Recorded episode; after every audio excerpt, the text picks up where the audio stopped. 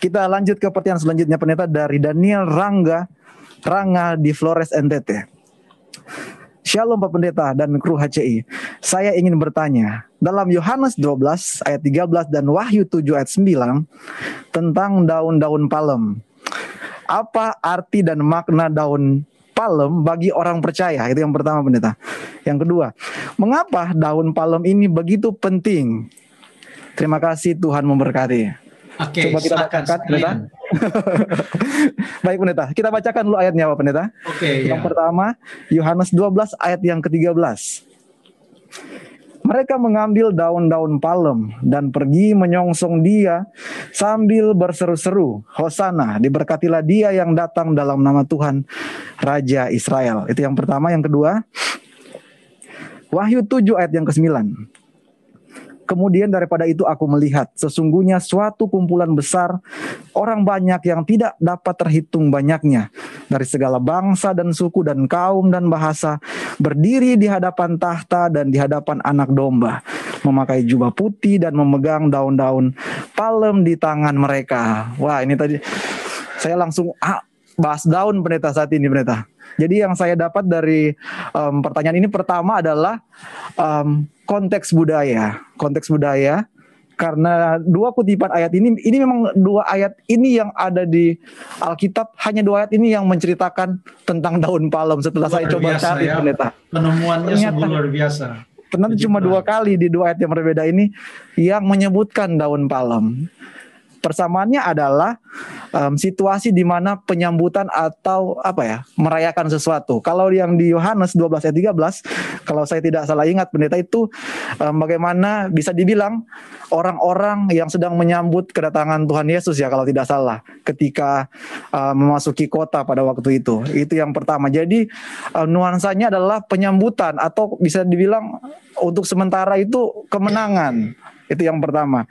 Dan yang di Wahyu 7 ayat 9 itu situasi umat-umat Tuhan nanti di kehidupan yang akan datang atau kerajaan surga di mana nanti katanya um, umat-umat pilihan ini yang um, sudah diselamatkan yang tidak terhitung banyaknya, mereka juga memegang daun-daun palem. Jadi um, kalau menurut saya pendeta daun palem ini salah satu apa situasi kontekstual pada waktu itu untuk merayakan sesuatu atau untuk bergembira. Jadi harus ada daun palem sepertinya. Itu yang Ya. dari saya. Bagaimana pendeta? Apakah Mohon diluruskan ketika kami mencoba memahami dan tidak pas dalam konteksnya. Nah, kita semua ya terima kasih uh, Stephen sangat uh, baik sekali uh, penjelasannya. Kita semua sama-sama belajar uh, tidak ada final words di mana kalau saya sudah mengatakan sudah itulah jawabannya. Tidak. Semua yang kita sedang lakukan adalah memberikan tanggapan. Kira-kira apa ini artinya? Kita sedang saling menolong satu sama lain untuk memahami firman Tuhan. Karena kita semua ini adalah pelajar firman Tuhan yang jadi guru adalah Tuhan Yesus. Kita semua pelajar, kita belajar Amin, untuk amin, memahami bersama-sama. Betul, Betul, bahwa di dalam Alkitab hanyalah dalam dua ayat ini ditemukan kata daun palem. Hanya dalam dua ayat ini. Dan satu hal yang boleh kita catat juga, saya tidak mau katakan luar biasa, tapi bisa kita catat adalah bahwa kedua ayat ini terdapat dalam Injil Yohanes dan Wahyu, di mana kedua-duanya ditulis oleh Yohanes yang kekasih. Kedua-duanya ditulis oleh Yohanes yang kekasih. Memang pada waktu Tuhan Yesus dielu-elukan juga untuk masuk ke Yerusalem. Contoh kita lihat ada di dalam Matius pasal yang ke-21. Coba kita lihat Matius 21 ayat 1 sampai ayat yang ke-11 di sana. Apakah kira-kira di sana ada daun palem disebutkan?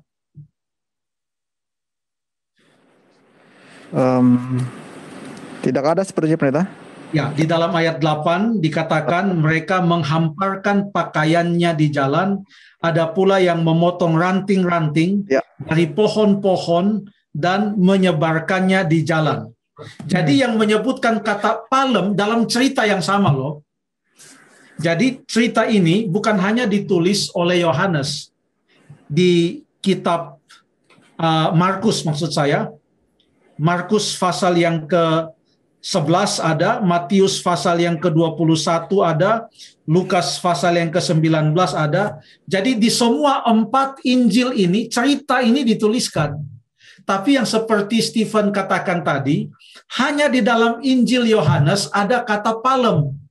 Dan Yohanes yang sama, oleh inspirasi roh kudus, dia juga yang menuliskan kitab Wahyu di mana terdapat untuk kedua kalinya kata daun palem atau kata palem ini.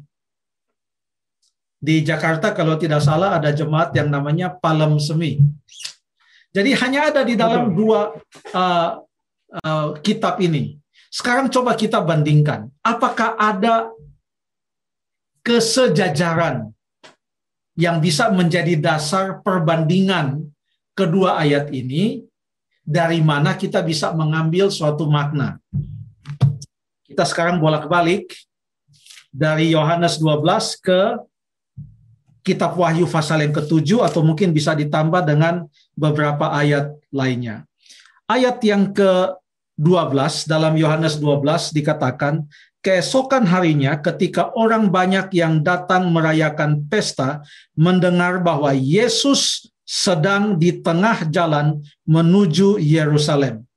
Yesus sedang menuju ke Yerusalem, lalu kemudian apa yang terjadi adalah mereka menyangka bahwa Yesus akan mengukuhkan dirinya sebagai raja karena inilah yang diharap-harapkan oleh orang Israel Yahudi pada saat itu yang sedang berada di dalam atau di bawah penguasaan kekaisaran Roma mereka mau supaya Mesias itu datang untuk menjadi raja bagi mereka sebagaimana dulu mereka punya raja Daud punya raja Hiskia punya raja uh, Salomo dan lain sebagainya. Semoga ini juga adalah Mesias yang bisa melepaskan kita dari uh, kungkungan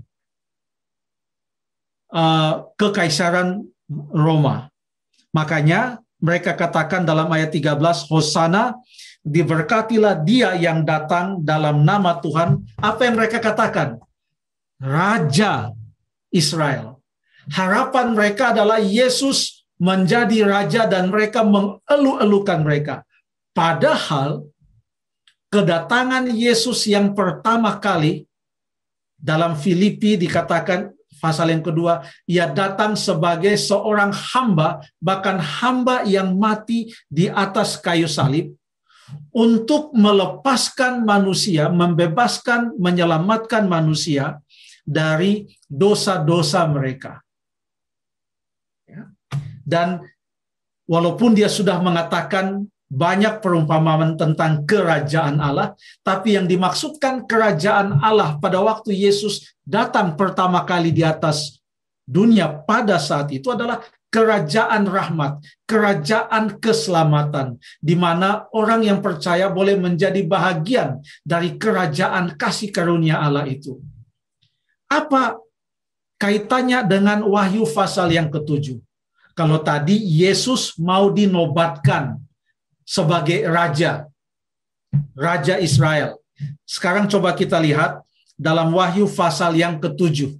Kalau tadi hanya orang Israel, bagaimana dengan Wahyu pasal yang ketujuh, ayat yang kesembilan?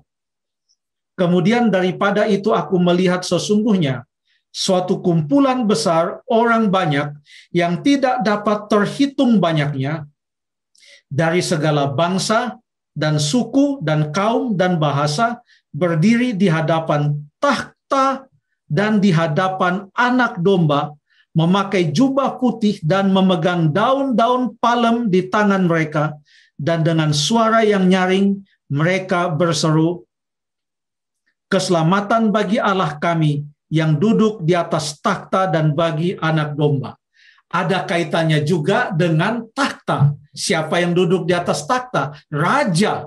Dan yang disebutkan di sini adalah juga anak domba, yaitu Yesus Kristus itu. Mereka memegang daun palem.